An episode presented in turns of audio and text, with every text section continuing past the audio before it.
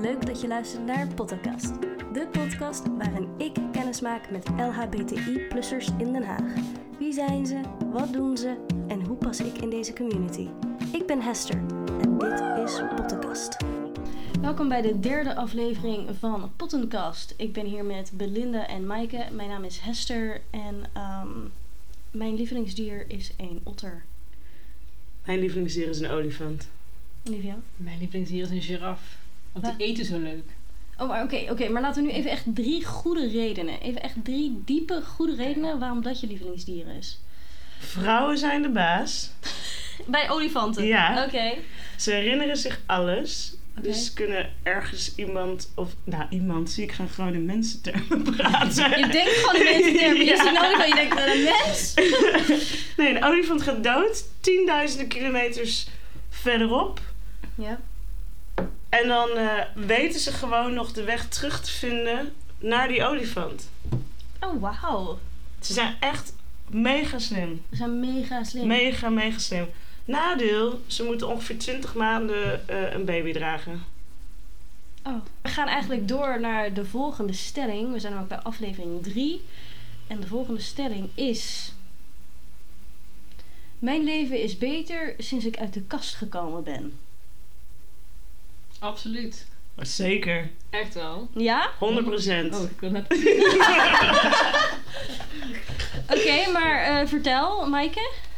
Ja, weet je, het is uit de kast komen wat is een beetje, ja, ik vind het heel dubbel. Want het is niet alleen dat je aan iedereen vertelt van, nou, ik ben homo of lesbisch of bi of whatever. Maar het is ook het afsluiten van je eigen proces.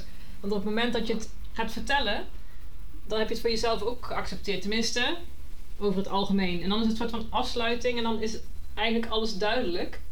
En dan ja, begint gewoon een nieuwe fase van je leven. Zo voelde het voor mij in ieder geval. Ja, en is ook zeg maar je leven daarna ook echt beter? Dat je gewoon kijkt van je hebt nooit problemen ermee gehad of Ja, iets. ik- eh, ik heb dan het geluk gehad dat ik nooit problemen mee heb gehad. En ik had toen ook zelf minder problemen mee. Ik had het gezegd, Ah. mensen om me heen vonden het prima.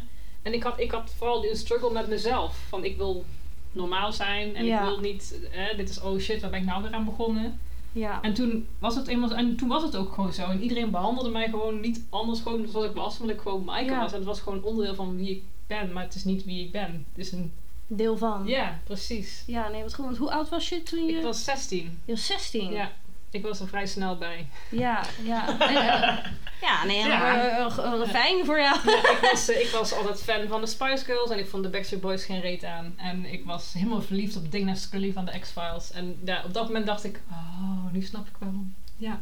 Ah, oké. En ik heb nog een tijdje gehad tussen mijn 16e en mijn 18e. Toen dacht ik van, als ik dan bi ben, ben ik nog een beetje normaal. Dus dan heb ik nog een beetje zo hier en daar, eh, ja, vriendjes niet echt gehad. Maar het was eigenlijk helemaal niks. En toen op mijn 18e dacht ik, nee, het is, eh, ik heb het mijn best gedaan. Mhm. Eh, jongens zijn het gewoon niet voor mij. Ja. Maar toen ik eh, ja, uit de kast kwam, toen ging, ik ging het mijn ouders vertellen. En ik zeg, ja, ga even zitten. Want ja, ik, moet, ik moet jullie wat vertellen. En toen zei ik van, nou, ik ben lesbisch. En toen zei mijn vader, oh gelukkig, ik dacht dat je zwanger was. Wat een fijne reactie is dat. Wat een fijne reactie. Dus het viel, ja, het, was, het viel mee. En dat was eigenlijk, eh, ja, toen was het eigenlijk gewoon goed. Ik heb gewoon het geluk, het bij mij een beetje in de familie. En ik had ehm, op mijn veertiende trouwden mijn ooms met elkaar. En eh, ja, we hadden wel meer homo's in de familie, dus het was niet heel gek. En ik Ja. was er eigenlijk een beetje mee opgegroeid, want mijn ooms, die waren al mijn ooms toen ik klein was. En dat is gewoon, ja, dat was gewoon zo. Ja. En, eh, maar het is grappig dat het dan misschien voor mij uiteindelijk niet makkelijker was om uit de kast te komen. Tenminste, ik kan natuurlijk niet oordelen over de verhalen van anderen. Mhm. Maar het is niet zo geweest van, oh ja, ik heb het mijn hele leven gezien. Dus toen ik die gevoelens had, dacht ik ook, dan ben ik ook zo. Want ik heb wel een soort van interne struggle gehad. Van, goh, ehm, ja, ik ben dan niet normaal. Ik ben niet als anderen. En ik zie het dan toch wel, maar ja, maar dan ben ik het ook. Dat is, dat is toch iets anders. Als iemand anders het is, is het makkelijker. Want dan heb je daar zelf geen last van. Ja. Ja. Maar toen ik eenmaal ja, eruit was voor mezelf, ja, dat is gewoon zo'n bevrijding. Ja. Het is echt, eh, ja, ik heb echt een, daarna ook echt wel een jaar of twee jaar gehad dat ik het echt van de daken wilde schreeuwen. Dat ik gewoon mezelf bijna voorstel als ik ben Mike en ik ben lesbisch. Ja, dat, eh, daar herken ik me nu heel erg in. Ik ben heel erg van, ik vind het zo fijn dat ik op vrouwen val. Jij moet dit weten. ik hou van kaas en ik val op vrouwen. Ja, ja, ja. Soort van. Precies, Ik precies. heb nu ook. Ik, heb, ik, ik ben nu al best wel lang uit de kast. Ik ben dit, dit jaar word ik 38, dus mijn eh, ja, mijn bijna 22 jaar anniversary. En als mensen dan tegen mij zeggen: Oh, je ziet er helemaal niet lesbisch uit, dan ben ik gewoon soms echt offended. Dan denk ik echt, maar moet ik dan een, wat moet ik dan doen? Moet ik een tuinbroek aandoen? Met eh, eh, korte haren? Wat, wat wil je? Maar ik, het maakt er helemaal niet uit. Ik ben gewoon wie ik ben. En ja, ik word er niet anders van, omdat ik op vrouwen val. Nee, ja. En ja, nog steeds heb ik wel zoiets van, zie het aan mij. maar op zich, eh, ja, ik ben eh, nog steeds heel blij en vrij. Je hebt wel een regenboogtrui aan, dat zien jullie niet. Oh, nee, maar ik- wij zien dat. ik heb een regenboogtrui, ja. ja. Ja, ja, dat is dan meer voor, voor, voor de, de, de fellow lesbians. Wij kunnen meteen... dat is er eentje. Ik heb totaal geen gaydar, maar tenzij ze heel duidelijk regenboogjes en andere dingen doen, dan... eh, Oh, ik heb echt ik een mega gaydar. Hebben Ja? jullie dat niet? Dat je over straat loopt en dat je denkt... Ja. En dat je die herkenning terugziet? Ah, nou echt, eh, soms hoor, maar niet vaak. Niet vaak. En toen ik net hier binnenkwam, had ik dat wel. dat is Ja. misschien iets anders. Ja, maar ja, oké, maar Wat dat is, dat, dat is wel anders. Nee. Ik heb niet zo vaak dat ik inderdaad in de supermarkt sta en dat ik denk, ha, dat, dat is er één. Wat ik wel heel lang heb gehad, en dat heb ik nu minder, maar dat is in het begin, als er dan op tv iemand voorbij kwam, Ja? die lesbisch zag, had ik echt van, oh, represent, ja, ik ben ook zo. Je gaat allemaal terug naar die eerste aflevering. Toch wel, ja, ook al is het totaal niet waar ik me mee zou identificeren, dus toch gewoon van, oh yes. Ja. is, eh, Ja, ja, ja. het, die eh, herkenning is dan toch wel heel, heel, eh, heel leuk. Maar ik, Ja. ja, ik heb volgens mij niet zo'n hele goede gaydar. Ik heb ook altijd mannen achter me aan. Mijn vriendinnen vinden dat super grappig. Gewoon heel vaak maken ze filmpjes. Hoe- want Als ik dan wat gedronken heb, dan word ik wat vrijer en losser. En dan ga ik met iedereen dansen. Dan heb ik dus vaak een man om mijn nek hangen. en dan ja, ben ik ook, dan denk ik, oh leuk, ah. Maar het is ook niet slim als je dus op zoek bent naar iemand. Want ja, dan denken ze, oh, die valt op eh, mannen. Dus eh, misschien ben ik daarom nog vrijgezet. Hmm. Therapeutische podcast dit. Dit is een hele therapeutische... Belinda, hoe was het voor jou eigenlijk? Ik ben eigenlijk ook wel benieuwd naar jouw verhaal. Ik kan me hier totaal in vinden. Want het is inderdaad in eerste instantie gewoon een interne zoektocht. En ik weet nog dat ik 15 jaar was. En toen kwam er een meisje op school. En toen gebeurde er met van alles met mijn hoofd en mijn lichaam. En ik begreep er helemaal niks van. En toen ging ik een beetje nadenken. Toen dacht ik... ah, ja, volgens mij ben ik gewoon heel erg verliefd. Oh, wat gek. oh, oh ja, dat kan ook. En dat heeft ze ongeveer twee jaar heeft dat doorgekabbeld. Dat ik dan eh, dat ik ook merkte dat ik heel vaak naar vrouwen keek. Vooral als ze zo door de bus liepen, door de schoolbus. Dat ik er vaak achteraan keek, zeg maar. Oh. Ehm, en ik had een wat oudere, bestere vriendin. En op een gegeven moment waren we op stap gegaan. En toen zoende ik met haar. En toen, nou ja, echt jongens, fireworks. Nou, dat had ik dus ook. Fireworks. Echt alles. Van top tot teen tintelde. En ik dacht, oh, Dat Ja, is het. dat is het. En toen dacht ik, oké, nou oké, oké, dat is goed. Dan weet ik dat nu ondertussen zeker. En nou ja, toen was er voor mij nog eh, best wel een drempel. Omdat het was een culturele drempel. Mijn moeder, die komt eh, uit Tanzania en Rwanda. Nou, dat zijn niet de plekken waar eh, homoseksualiteit in welke vorm dan ook geaccepteerd wordt. Dus ik dacht, eh, dat wordt nog wel een dingetje. En mijn stiefvader, een Nederlandse man, maar wel een, een, een hele oude man. eh, dacht ik ook, oh, dat wordt ingewikkeld omdat hij heel ouderwets is. Dus ik dacht, oké, nou, hoe ga ik dit dan doen? En met mijn stiefvader kon ik eh, heel goed intellectuele gesprekken hebben. Dus benaderde ik het meer vanuit een wetenschappelijke kant. En dan kwam er weer een krantenartikel en dan gingen we dat bespreken. En toen ben ik soort van zo uit de kast gekomen. En dat ging eigenlijk best wel prima. Alleen dat hij nog heel erg leefde met... Maar het is wel een keuze. Dat, hè? Maar dat vond ik... Ik bedoel, het was niet dat hij me niet accepteerde. Dus ik vond het eigenlijk wel prima. En daar konden we dan weer hele goede discussies over hebben. En mijn moeder... Nou, ik ben zelf niet uit de kast gekomen. Dat heeft... eh, eh, mijn ouders, stiefvader en moeder waren ondertussen al gescheiden. En mijn moeder had een nieuwe vriend. En daar had ik het al een had ik het al tegen verteld. En hij heeft het tegen mijn moeder verteld. Oh. Dat is handig. Nou, dat is, in Hoe eerste instantie vond ik dat handig. En daarna voelde ik me best wel heel erg genomen. Ja. Want ik had het zo opgebouwd. En ik dacht, nou nu komt hij zoals mijn haar aan het wassen in de douche. Weet ik nog, 17 jaar zoals mijn haar aan het wassen. En toen vloepte het er zo uit. En toen zei ze, ja dat wist ik al. En toen dacht ik, Ja. god. Al die moeite daarvoor gedaan. Ja. Al die voorbereiding voor niks. Ja, al die voorbereiding voor niks gedaan. Maar het was wel schattig. Ze had er heel veel moeite mee. eh, ehm, maar eh, ze zei ook meteen... Ja, maar ehm, hij heeft me al meegenomen naar de homobar. Zodat ik een beetje kan wennen aan het idee. Toen dacht ik, ik weet niet of dat heel erg gaat helpen. Maar toch bedankt. Ehm, nee, en, en, en, en qua acceptatie doet ze het eigenlijk gewoon heel erg goed. En dat werd vooral beter toen ik mijn eerste echte vriendin kreeg, want ze was arts. Zodra iemand arts is, maakt niet uit of het een man of een vrouw is, zijn ouders altijd heel erg blij. Dus vanaf dat moment was het, niet, eh, was het eigenlijk geen issue. En naar de rest van mijn familie eh, heb ik het heel makkelijk uitgesproken. En mijn oudste zus die zei, dat wist ik al toen je één was. ja. Ehm, maar voor mij was het meest ingewikkelde was mijn biologische vader. Die ken ik zelf nog niet zo heel lang. En toen was ik in Tanzania. Daar kom ik dus ook vandaan. Ben ik ook geboren. En toen, dat is nu toen ik 25 jaar was. Ehm, en toen was ik daar en toen zou ik eigenlijk terugvliegen. En we waren daarvoor lekker biertjes gaan drinken met elkaar. En dat vond ik heel erg moeilijk om het daar te vertellen. Was eigenlijk ook niet helemaal mijn plan. Ehm, maar ja, ik had wat te veel bier gedronken.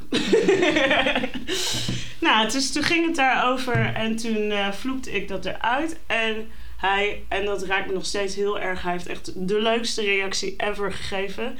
Hij zei, daughter, last time you were here, you told us you weren't religious. So we can deal with this one as well. Oh, fijn. Ja, en, en daarna, dat, daarna heb ik een hele grote ontlading gehad. Dat vond ik echt heel erg ingewikkeld. Achter het kippenhok Ja. heb ik staan janken als een klein kind. Ja, vanaf dat moment eigenlijk, gewoon weer helemaal opnieuw, was ik weer helemaal opnieuw vrij. Ja. En eh, een van mijn favoriete gezegdes van Erasmus is: worden wie je bent, dat is geluk. En dat geloof ik ook heel erg. Als jij al je facetten van je identiteit kan uitdragen op een comfortabele en fijne manier, dan wat is er nou nog beter dan dat? Ja.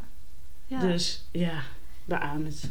Want Dus, oké, en dan ben ik eigenlijk ook wel heel erg benieuwd naar hoe was het voordat je uit de kast was? Maar, het moment dat je het door had, was het echt iets waar je dacht van dit is lastig, dit wil ik niet? Of was het gewoon meer dat je niet helemaal zeker wist wat het nou precies was? Want je zei dat je twee jaar lang er zat op te beroeden, zeg maar. Ja. Ja, en heel veel Zina, de Princess Warrior, kijken. En nu pas beseffen waarom ik dat Ja. eigenlijk zo ontzettend leuk Dat vond. was ook gewoon ontzettend leuk. ja. Ja, terugkijken dat je denkt van wauw, ik had het echt wel eerder kunnen weten. ja, ja, en ik weet niet of iemand ooit Cold Case keek, maar de, Mhm. de, de blonde dame die daar eh, de hoofdinspecteur was, maakt niet uit. Lily. Ja, Lily. Zie je? We zitten heel erg op één lijn hier. Wat goed, wat goed. Ehm, ja, wat kan ik ervan zeggen? Weet ik niet. Je zit er een beetje op te broeden. Ja, en wat ik wel heel erg merkte is vooral op de middelbare school. We hadden één jongen en die was bi en die kwam uit de kast op de middelbare school. En dat ging eigenlijk helemaal niet goed. Ehm, en toen heb ik wel heel erg getwijfeld of ik dat op de middelbare school eigenlijk al moest doen. Ja. En ik denk dat ik zelf heel erg het besluit heb genomen. Eh, ik ga toch zo afstuderen. Dus zodra ik begin met mijn studie, ga ik dat echt exploreren. ja. Dat is ook exact wat ik heb gedaan. Want zodra ik in Maastricht terecht kwam, het eerste wat ik heb gedaan is het COC Limburg bezoeken. Ja. Ik ook. Ja, nou kijk. Gewoon. Ja, het is gewoon een beetje hetzelfde verhaal dit hoor. echt- kan dus eigenlijk gewoon eventjes klippen dan. Ja, eigenlijk exact hetzelfde. En ook in Maastricht gezeten. Ja, en, en dat vind ik dan, als we dan toch dat bruggetje maken, zo belangrijk aan het COC. Nog niet, hè, vooral voor de mensen die het nog niet weten en die moeten ontdekken en die wat handvatten nodig hebben, is het COC gewoon een veilige plek om, om dat te doen. Ja. Want zodra je uit de kast bent, dan ben je er nog helemaal niet, want dan is er een hele nieuwe wereld die je moet exploreren. Toch? Ja, nee, zeker. Zeker. Ik kom uit een eh, vrij klein dorp in Brabant. En ik heb altijd daar rondgelopen met het idee dat ik de enige was in het hele dorp. En ja, toen kwam ik in Maastricht en ik dacht, oh, ze hebben hier een COC. En ik ben daar naartoe gegaan en op dat moment waren er ook geen andere jongeren. De jongste na mij was iets van 40 of zo. Maar ik heb daar zoveel aansluiting gehad. Gewoon omdat die dat zijn waren gewoon mensen die hetzelfde waren als ik. En ik Ja. heb daar gewoon, ik heb gewoon met hun ja, rondgehangen alsof het mijn leeftijdsgenoten waren. We gingen naar de bioscoop, we gingen alle etentjes, we gingen dingen doen. Ja. En dat is zoveel, zoveel waard. Gewoon met mensen omgaan die hetzelfde hebben meegemaakt. Die hebben ook een coming out gehad. En die hebben ook Ja. dezelfde struggles gehad. En dat is zo fijn. En dat vind ik ook het fijn aan het COC. En dat, dat is ook belangrijk. En dat moet ook blijven. Dat je Ja. een plek hebt waar je gewoon met gelijkgestemde mensen kan zijn. En dat je gewoon niet hoeft uit te leggen waarom je er zo uitziet. Of dat iedereen begrijpt je gewoon. Ja, Ja. toch bijzonder hoe fijn dat is. Gewoon dat mensen precies, of niet precies, zeg maar gewoon kunnen begrijpen hoe, nou ja, hoe je ervaringen zijn geweest. Dat je niet gelijk alles hoeft uit te leggen, maar dus gewoon weten, je bent gewoon wie je bent. En Ja. je hoeft niet jezelf zo neer te zetten of, eh, Ja. of iets uit te leggen. Het is gewoon oké. Ja. En dat het geen gesprek per se is. Ja. En dat vind ik ook meteen het eh, antwoord op de vraag: waarom moet je een homobar hebben? Hey, mensen vragen dat wel eens aan mij. Waarom heb je nou een homobar nodig? Ik zeg ja, waarom heb jij een heterobar nodig? Omdat je wil gewoon gezellig wil dingen. Ik wil, je wil connecties maken. Je wil met, met- gezellig met, met mensen gewoon een Ja. biertje drinken. Ja, Die dan gelijkgestemd zijn. ja. Ja. Kijk, de ene gaat naar een, naar een bruin café. De andere die gaat naar zo'n pubquiz of een karaokebar. En de andere gaat naar een sportcafé. En wij gaan eh, naar het COC. Ja, Ja. nee, precies. precies. Ja. Wel moet ik zeggen dat naarmate ik ouder word, ik zelf er minder behoefte aan heb. Maar dat ik heb een hele leuke relatie. ehm, en ik merk dat dus dat aspect van mijn identiteit niet meer zo op de voorgrond ligt als dat het, dat het vroeger deed. Ehm, Hoe bedoel je? Ehm, ja, hoe kan ik dat nou goed uitleggen? Toen ik net uit de kast was, was het voor mij heel belangrijk. Ik was zoekende. Ik, ik zocht ook iemand leuks naast me. Dus daar was ik er heel erg mee bezig. Ja. Nu ben ik er veel minder bezig, mee bezig in deze levensfase. Ehm, en, en voelt het ook gewoon als iets wat deel uitmaakt van wie, van wie ik ben. Maar het is niet, het is niet leidend. Het is niet, weet je, Ja. het definieert me niet. Ja. Dus ik merk dat ik er dan minder behoefte aan heb, zeg maar. Of nou, niet, niet behoefte, maar gewoon... ehm, ik vind het even leuk om naar een heterobar te gaan. Met mijn vriendin. Oh, ja, ik ook. zeg maar, snap je, wat, snap je wat ik bedoel? Ja. Tuurlijk, nee, dat, dat, Ja. dat begrijp ik wel. Ja. Het is ook geen must. Het is niet dat ik ga ook gewoon naar eh ja, hetero bar. Het is een beetje raar. Maar zo- Naar een bar. de Naar de bar. Naar de bar. Ja, ja. Ik vind het wel fijn dat wij de hetero-barren zeggen. Terwijl voor de hetero's is het de bar. Ja. Ja, die zijn, die zijn net zo leuk. Het is alleen het is een grote risico dat je een man achter je aan hebt. Dat is dan het enige